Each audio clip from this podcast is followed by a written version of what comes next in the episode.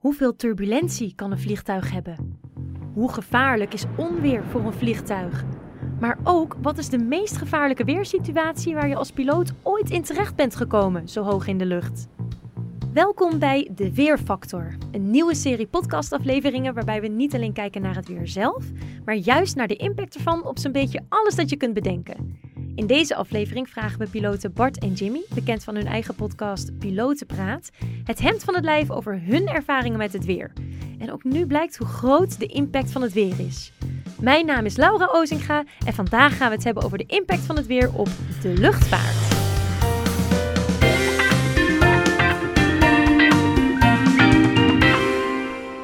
Bart, Jimmy, even in het algemeen. Hoe belangrijk is het weer voor de planning van een vlucht? Ja, eigenlijk uh, een van de belangrijkste aspecten. is eigenlijk een van de belangrijkste zaken waar we naar kijken. Aan de hand hiervan uh, bepalen wij of we extra brand, brandstof meenemen, ja of nee. Uh, of dat we überhaupt kunnen of willen vertrekken. Ja, je, je checkt het weer eigenlijk van, van de lokale luchthaven, van, van je bestemming, van de luchthavens waar je overheen vliegt. Um, en, en daar zitten ook weer allemaal regels en, en marges op waar het weer aan moet voldoen om bijvoorbeeld op te kunnen stijgen, maar ook te kunnen landen. Uh, het zicht is bijvoorbeeld uh, heel erg belangrijk, maar ook de hoogte van de wolkenbasis, de neerslag en uh, natuurlijk ook de wind. Want eh, het, het, mag niet te hard waaien. En het moet vanuit de juiste richting komen. te veel wind van achteren, te veel wind van opzij is niet goed. Dus... Nee, het is, het is, ja, het is heel dynamisch en het is wel een, een van, de, van de meest belangrijke aspecten van ons, van ons werk. En ja, soms wordt, daarom worden er soms ook heel veel vluchten gecanceld omdat het weer echt niet meewerkt en het niet veilig is om te vliegen. En uiteindelijk is veiligheid het meest belangrijke aspect van ons werk. Ja. Uh, maar daarin ja, werkt het weer, veiligheid, uh, heel, veel, uh, heel veel aspecten werken daar mee. En het weer is een belangrijke noemer daarin. En wat zijn dan concrete maatregelen die getroffen kunnen worden wanneer het weer niet goed is, bijvoorbeeld? Dan nemen wij wat extra brandstof mee, zodat we wat meer tijd hebben om te kunnen blijven, blijven hangen. Zo noemen we dat dan. Inderdaad, uh, ja, blijven hangen in een holding. Dus wachten tot het weer bijvoorbeeld op de bestemming beter wordt.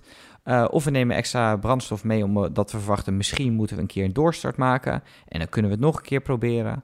Of dat we een stukje verder moeten vliegen, dat we niet kunnen landen op bestemming, maar naar een andere luchthaven moeten vliegen. Omdat daar het weer wel beter is. En zodat we dus wel ook weer met de juiste veiligheidsmarges daar kunnen landen. Ja, precies. Oké, door naar de volgende vraag. Hoeveel turbulentie kan een vliegtuig hebben? Nou, een vliegtuig kan ongelooflijk veel turbulentie hebben. Uh, er is nog nooit een vliegtuig neergestort. Uh, en vliegtuigen worden er door ook... Door turbulentie? Door, ja, inderdaad, door turbulentie. en vliegtuigen worden er ook op getest, uh, zodat de vleugels super flexibel zijn en mee kunnen bewegen met de luchtlagen, dus de turbulentie. dit noemen ze een stresstest. dat kan je ook vinden op YouTube. Uh, en die vleugels die kunnen echt tot, tot 70, 80 graden buigen. En dan gebeurt er nog niks. Ze knappen niet. Dus um, ja, ja, wat het eigenlijk is. Een vliegtuig is nog nooit neergestort door turbulentie. Het is voornamelijk heel erg oncomfortabel voor de passagier, maar ook voor ons. Uh, Zeker. Voor, ja, uh, eigenlijk voor, voor alles. Heb jij zelf wel eens hele erge turbulentie meegemaakt? Ik heb een hele hevige turbulentie gehad in de Golf van Biscayen. Um, uiteindelijk was er niks aan de hand. Maar we hebben wel een kwartier lang echt uh, zitten stuiteren. En um, nou ja, wat je dan doet, uh, je gaat kijken, kunnen we misschien wat lager vliegen of hoger. Maar overal was die turbulentie, het was een groot gebied. Uh, dus ja, je moet er af en toe doorheen. Uiteindelijk na een kwartier hield het ook ongeveer op. Um, er was niks aan de hand met vliegtuig, alleen was het een grote zooi. heel veel mensen die hebben toen moeten overgeven. overgeven. Dus het cabinepersoneel was erg druk met het opruimen van de kotzakjes. Maar qua veiligheid uh, was er gelukkig niks aan de hand. Oeh, oeh, oeh, ik ben blij dat ik daar niet bij was. En waar ik ook niet graag bij zou willen zijn, is onweer tijdens een vlucht. Um, hoe gevaarlijk is dat, onweer, voor een vliegtuig? Ja, de kern van zo'n bui is wel een gebied dat je, dat je vermijdt. Het is niet zozeer vanwege de bliksem, maar uh, meer vanwege de enorme thermiek die in zo'n bui uh, zit. Het gaat er binnen heel heftig aan toe. Uh, Eén keer komt de wind van links, dan weer van rechts. Uh, opwaartse kracht, neerwaartse kracht. Ik denk dat de mannen van de Wereldline dat uh, prachtig kunnen uitleggen voor, voor ons. Maar die druk die, die voel je ook op het vliegtuig. En dat is zo onvoorspelbaar. En die, die krachten zijn zo heftig. Ja, dat wil je niet in een vliegtuig. dat wil je de passagiers niet aandoen. En jezelf niet. En je wilt jezelf niet in zo'n in zo'n onveilige situatie brengen. Nee. Dus ja, wat wij dan altijd doen, we vliegen of om een onweersbui heen, of als we genoeg marge hebben, uh, kunnen we er overheen. Maar we vliegen er dus nooit doorheen of onderdoor. Want onder een onweersbui gebeurt ook heel veel. Heel vaak ja, Ja. eh, neerwaartse druk. En daardoor kan je dus eh, die, die dragende kracht... Een downdraft ja, een eh. downdraft. En die dragende kracht van het vliegtuig, dat het omhoog houdt, eh, ja, je kan in één keer naar beneden gaan. Ja, en wat je ook zegt, Jimmy, eh, kunnen er hele onveilige situaties ontstaan. En dat willen wij allemaal vermijden. Duidelijk. Maar stel je komt wel in de buurt van zo'n onweersbui. Hebben vliegtuigen dan een bliksemafleider? Ja, we hebben op eh, de vleugels eh, Static Discharge Wicks, zo heet dat. Eh, misschien hebben ze mensen wel gezien, dat zijn die uitstekende stokjes op de vleugel en op de staart van het vliegtuig. Die zorgen er eigenlijk voor dat de statische energie die wordt opgebouwd tijdens het vliegen weer wordt teruggegeven aan de lucht. Maar ook bij een eventuele inslag in het vliegtuig komt er natuurlijk ook heel veel statische energie eh, rondom het vliegtuig. En dat wordt door die static wicks wordt dat weer eh, eh, ja, weggeleid eigenlijk. Dus Ja, we daarom, hebben, daarom heb je de ontlading nooit in het vliegtuig zelf, maar Nee. ja, het wordt doorgeleid naar de grond of een, of een ander punt. inderdaad. Dus we hebben, ja, we zijn een goede bliksemafleider, om het zo maar te zeggen. En een veilige. Dat is altijd goed om te weten. En los van al die heftige weersomstandigheden, wat voor weerinformatie gebruiken jullie allemaal? Eh, we krijgen, origineel krijgen we een soort van oldschool weerkaarten van de planning en dispatch afdeling. Het zijn allemaal verschillende kaarten met erop eh, de bewolking, gebieden met eventuele turbulentie, jetstreams. Dat zijn dus eh, gebieden waar heel veel wind staat. Onweersbuien, hoog en laag drukgebieden, ijsvorming. Ja, en nog heel veel, heel veel andere fenomenen. En daarnaast krijgen we ook windcharts. Dus hoeveel wind er op een bepaalde hoogte staat en eh, vanuit welke richting die komt. Ehm, en we krijgen ook meldingen als er bijvoorbeeld boven gebied een bepaald fenomeen is, zoals mountain waves. Dat, dat kunnen de mannen en vrouwen van Weerline ook goed uitleggen, denk ik. Eh, hevige turbulentie of een vulkanische activiteit. En, eh, en, daar zijn dan ook weer kaarten van. Dus die krijgen we allemaal voordat we de vlucht eh, gaan beginnen, eh, tijdens onze voorbereiding. En daarnaast krijgen we natuurlijk ook het lokale weer van het vliegtuig, de bestemming, de uitwijkhavens en de luchthavens onderweg. En tegenwoordig natuurlijk ook weer online. Uiteraard, Voor het weer. uiteraard. Uiteraard, de beste weerdienst, al zeg ik het zelf. Ehm, verder vroeg ik me nog af, eh, als ik op de fiets zit en ik heb wind mee, dan is dat natuurlijk top. Maar eh, is dat ook een ding voor vliegers? Wind mee of wind tegen? Bestaat zoiets voor jullie? Eh ja, zeker, dat bestaat. Eh, er zijn bepaalde gebieden waar de wind uit, eh, vaak uit dezelfde richting komt, of eigenlijk altijd, zoals bijvoorbeeld boven de Atlantische Oceaan. En eh, bijvoorbeeld de vlucht naar New York, eh, Amsterdam-New York, dat is denk ik iets minder dan acht uur vliegen. En New York-Amsterdam is rond de zeven uur vliegen. Eh, dat scheelt zo eh 5000 kilo eh, aan brandstof wat we meenemen. Dus dat is eh, best wel behoorlijk. Ja, dat is best wel significant. En ik vlieg dan voornamelijk in Europa. En eh, bijvoorbeeld, ik ben van de week naar Helsinki gevlogen. Eh, we vlogen naar Helsinki in twee uurtjes. En de volgende ochtend vlogen we terug en dat duurde twee uur en een kwartier. Ehm, dus ja, zoals je kan zien, en dat kwam puur door de tegenwind, niet door een andere route. Dus ja, het kan behoorlijk schelen en dan scheelt het in, in Europa en qua tijd. Voor ons scheelt het een aantal honderden kilo's aan brandstof. Dus ja, het liefst eh, vlieg je boven met wind mee. Dan gaat het en sneller en je bespaart brandstof. Eh, maar dat is niet altijd mogelijk. Maar de planningafdeling van een maatschappij die kijkt wel altijd van... hey, kunnen we een stukje, ja, zo'n jetstream bijvoorbeeld meepakken... of eh, een gebied waar minder tegenwind is... of juist een gebied waar meer rugwind is. Zodat je dan toch een paar minuten winst kan maken... en weer wat brandstof kan besparen. Wel heel leuk om te horen dat er zoveel rekening wordt gehouden met het weer in de planning. Ehm, en wat is dan het makkelijkst om te landen? Wind mee, wind tegen of zijwind? Ja, eh, zijwind is eh, natuurlijk een stuk lastiger. Eh, een vliegtuig ja, vliegt op een baan af ehm, en, en, door de zijwind word je naar links of naar rechts gedrukt. Dus je bent dan tegen de wind heen aan het vechten. En als jij wind, wind mee hebt, ehm, eh, ja, ga je eigenlijk te snel. En eh, daardoor ja, kan je het vliegtuig weer wat moeilijker besturen. Dus je wil eigenlijk altijd met, met tegenwind ehm, eh, landen. Ja, Want- want dan is je snelheid ten opzichte van de grond langzamer. En dan is die wat makkelijker te landen en heb je ook minder baanlengte nodig. Inderdaad. En het eh, verschilt ook per air, ja, vliegtuigtype. Het ene vliegtuigtype kan wat meer zij- of rugwind hebben of, of tegenwind Ja. dan het andere type. En het verschilt ook soms per airlines. Eh, we hebben altijd een eh, windlimiet. En het verschilt ook eh, per piloot en hij, haar of zijn ervaring. Dus als je nog niet zo ervaren bent, heb je een limiet. En als je wat meer ervaren hebt, dan, dan gaan die limieten eraf. En dan mag je echt tot de bijvoorbeeld max crosswind, zoals wij dat noemen. Dus dat is de maximale zijwind die we mogen hebben. Leuk. En stel je hebt met heel veel regen te maken. Hebben vliegtuigen dan ook ruitenwissers? Jazeker, die hebben we. Eh, op, ik vlieg dan de, de Boeing 787 Dreamliner. En daar zit eh, ook ruitenwisservloeistof eh, bij.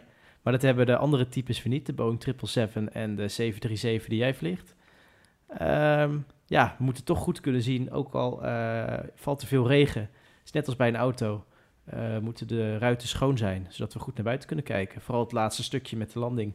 Of het eerste stukje met opstijgen. Ja, en daarna vlieg je voornamelijk op de instrumenten. Ja. Dus dan heb je het zicht buiten minder nodig. En als je op kruishoogte zit, is daar meestal geen bewolking en of neerslag. Nee. En eh, daar gebruik je de ruitenwissers dus niet. Je gebruikt ze dus eigenlijk alleen maar op de grond of op het e- eerste stukje van je vlucht. Inderdaad. Of laatste. Nou, het wordt steeds duidelijker dat het weer dus een grote rol speelt.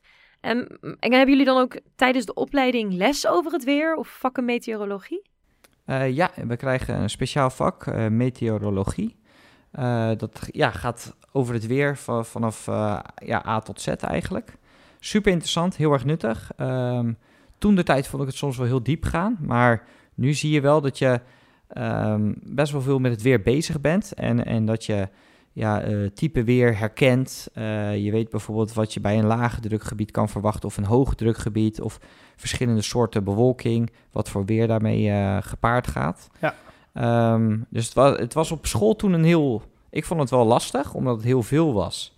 Maar ik vind het wel een van de meest interessante vakken, eerlijk gezegd. En je gebruikt het nog steeds dagelijks. Ja. En ja, niet alleen tijdens het vliegen, maar ook als je zelf eh, een stuk wil gaan fietsen, eh, kijk je ook naar het weer natuurlijk. En je Op kijkt weer online nu, hè? in- op weer online. En eh, je kijkt niet alleen maar op apps, maar ik kijk ook gewoon naar buiten. Van, nou, de weer, wind komt vanuit het zuiden. Dan ga ik bijvoorbeeld met fietsen eerst tegen de wind in fietsen. Eh, ja, ik vind het super interessant. Nou ja, het weer is ook super interessant natuurlijk. Verder vroeg ik me af, eh, wat zijn nou de meest unieke weersfenomenen die jullie tijdens een vlucht ooit hebben gezien? Ehm, vorige vlucht eh, vanuit Kaapstad. Het is nu het seizoen dat er veel vallende sterren zijn. Zag ik, waren er heel veel vallende sterren. Maar het is niet echt een weersfenomeen natuurlijk. Maar ik denk dat het noorderlicht eh toch wel het meest eh, unieke is wat ik heb gezien. Is geweest wat ik heb gezien. En ik vind eh Sint Elmo's Fire ook altijd een uniek fenomeen. Dat is, Moet je wel even uitleggen, want als je door statische lucht vliegt, om en nabij een onweersbui of wolk, dan eh, heb je die statische ontlading op de, de, de ramen. Dat is eh, prima, dat is normaal. En dan is het net alsof er een eh, bliksemschicht op je ramen zit. En dat is een mooi schouwspel om te zien. ja, en dat beweegt ook helemaal Ja, over je ja, ramen. ja. En dat is wel heel cool. Ja, ik heb helaas nog nooit het Noorderlicht gezien. Dus ik ben wel een beetje jaloers op jou, Jimmy. Ai, ai, ai. Maar eh, vaak genoeg het Sint Elmo, Elmo's Fire. En wat je zegt is ook wel heel interessant en heel, heel mooi om te zien. Dat klinkt ook wel echt heel tof inderdaad. Ehm, en van de mooiste situatie eh, gaan we door naar de meest hachelijke situatie die jullie ooit hebben meegemaakt tijdens een vlucht. Kunnen jullie daar iets over vertellen? Eh, nou, ik vond die, eh, wat ik net heb verteld, ook die turbulentie, vond ik wel heel erg. Ik heb dat zelf als, als commercieel vlieger ook nog nooit meegemaakt. dat het zo erg was bij die golf van Biscayen. We waren echt, echt flinke klappen aan het maken. Ehm, en ik heb ook een keer hagelstenen op de approach gehad. Eh, wat we ook niet verwachten. Het was aan het regenen en op een gegeven moment zagen we de baan. Toen begon het echt keihard. Ja, grote klappen hoorde je gewoon op het vliegtuig vallen. En toen dachten we, hey, dit is niet veilig. Dus toen ook een doorstart gemaakt. Eh, omdat we op een gegeven moment, ja, door die hagelstenen, je, je zag het allemaal niet. En Mhm. het komt dan, ja, je vliegt met een hoge snelheid. En die, die stenen vallen met een hoge snelheid natuurlijk. Eh, gelukkig niks, eh, niks gebeurd. Maar die klappen, die, die, die, ik dacht wel, oh, er moeten wel flinke deuken zijn. Of, maar gelukkig is het vliegtuig zo sterk. Ja, Ja, het kan veel hebben. ja, het kan echt heel veel hebben. Dus Dus uh, ja, en ook wel eens hele sterke zijwind gehad. Um, of in één keer zo'n zo rukwind um, ja. tijdens een approach. En dan, dan maak je ook een doorstart. En dan probeer je het voor een tweede keer als het veilig is. Of als dat constant daar blijft, dan, dan wijk je uit naar je, naar je uitwijkhaven. Maar doorstart is altijd de veilige optie. Inderdaad. En, en jij, Jimmy, heb je ook wel eens iets nee, heel ja, ergs? Uh... Niet zoiets ergs. Wel eens uh, hele heftige turbulentie. Uh, echt severe turbulence. dat, ja, dat we alle kanten op gingen. Dat de snelheid ook alle kanten op ging. Dat we ook wat hoogte verloren. Um, dat en doorstart gemaakt vanwege de wind. dat die te heftig was en that's it. Ja, en we proberen die situaties natuurlijk te voorkomen. Dat we in een situatie komen dat die echt hachelijk wordt. Dus... Ja, en we worden er wel heel veel op getraind. In de simulator trainen we wel met uh, een windshear. Dat kunnen jullie ook heel mooi uitleggen, denk ik, als we dat in één keer krijgen. Ja, een rukwind. Ja, dus bijvoorbeeld een rukwind op het laatste stukje van de approach. En dat is heel kritiek. Uh, ja, en dan start, maak je vaak ook een doorstart. En daar hebben we bepaalde procedures voor. En daarop ja, worden we wel getraind om dat zo goed mogelijk op te vangen. En ook de afloop daarvan uh, zo, zo goed mogelijk uh, uit te voeren. Zodat we gewoon weer in een stabiele situatie zitten met het vliegtuig. Dus uh, we worden er heel goed op getraind. En gelukkig hebben we het beide nog niet uh, heel extreem meegemaakt. En we hopen ook nooit dat we het zo meemaken. Nee, dat hoop ik ook niet inderdaad. En dan alweer de laatste vraag. Zijn er plekken waar het weer altijd spannend is? Boven Afrika ligt bijvoorbeeld de ICTZ. Dat is de Intertropische convergentiezone. Dat is ook een mond vol. Dat kunnen, uh, kunnen collega's van Weer Online denk ik uh, heel mooi uitleggen. Maar dat is een, een, soort, uh, ja, een soort strook boven Afrika van west naar oost. Waar altijd echt enorme buien zijn. En dat, dat beweegt een beetje ja, noordelijk, zuidelijk. Ene keer ligt het wat noordelijker, ene keer wat zuidelijker. Ja, vanaf de Evenaar naar de ja. Keerkringen. En um, ja, dat weet je gewoon dat je altijd onweersbuien tegenkomt en dat je daaromheen moet. En ook uh, boven de bij van Bengaal in uh, Zuidoost-Azië. Er zijn altijd enorme, kunnen enorme buien zich uh, ontwikkelen, omdat dat zeewater daar zo enorm warm is. En dat dan in combinatie met gebrekkige luchtverkeersleiding, meestal Indiase luchtverkeersleiding, kan het soms wel een uitdagende situatie maken. Maar ja, en ja, en gelukkig hebben we hier in Europa is het weer redelijk stabiel. Ja, boven de Balkan is altijd wel... Uh, ja, daar kan het ook wel spoken. Ja. Maar voornamelijk Noord- en, en uh, Zuid-Europa, ja, op soms onweersbuien na, is het redelijk stabiel weer. Dus daar moeten we heel blij mee zijn. Ondanks dat we nu denken van nou, af en toe met het weer hier in Nederland, het is niet heel stabiel. Dus daar hebben we wat minder last van, van echt die grote tropische onweersbuien enzovoort. Ja. Nou jongens, dat was hem alweer. Onwijs bedankt voor al deze inzichten en jullie verhalen. En mocht je nou meer willen weten over de luchtvaart, check dan even de podcast Pilotenpraat van deze twee mannen. Echt een aanrader. Tot de volgende!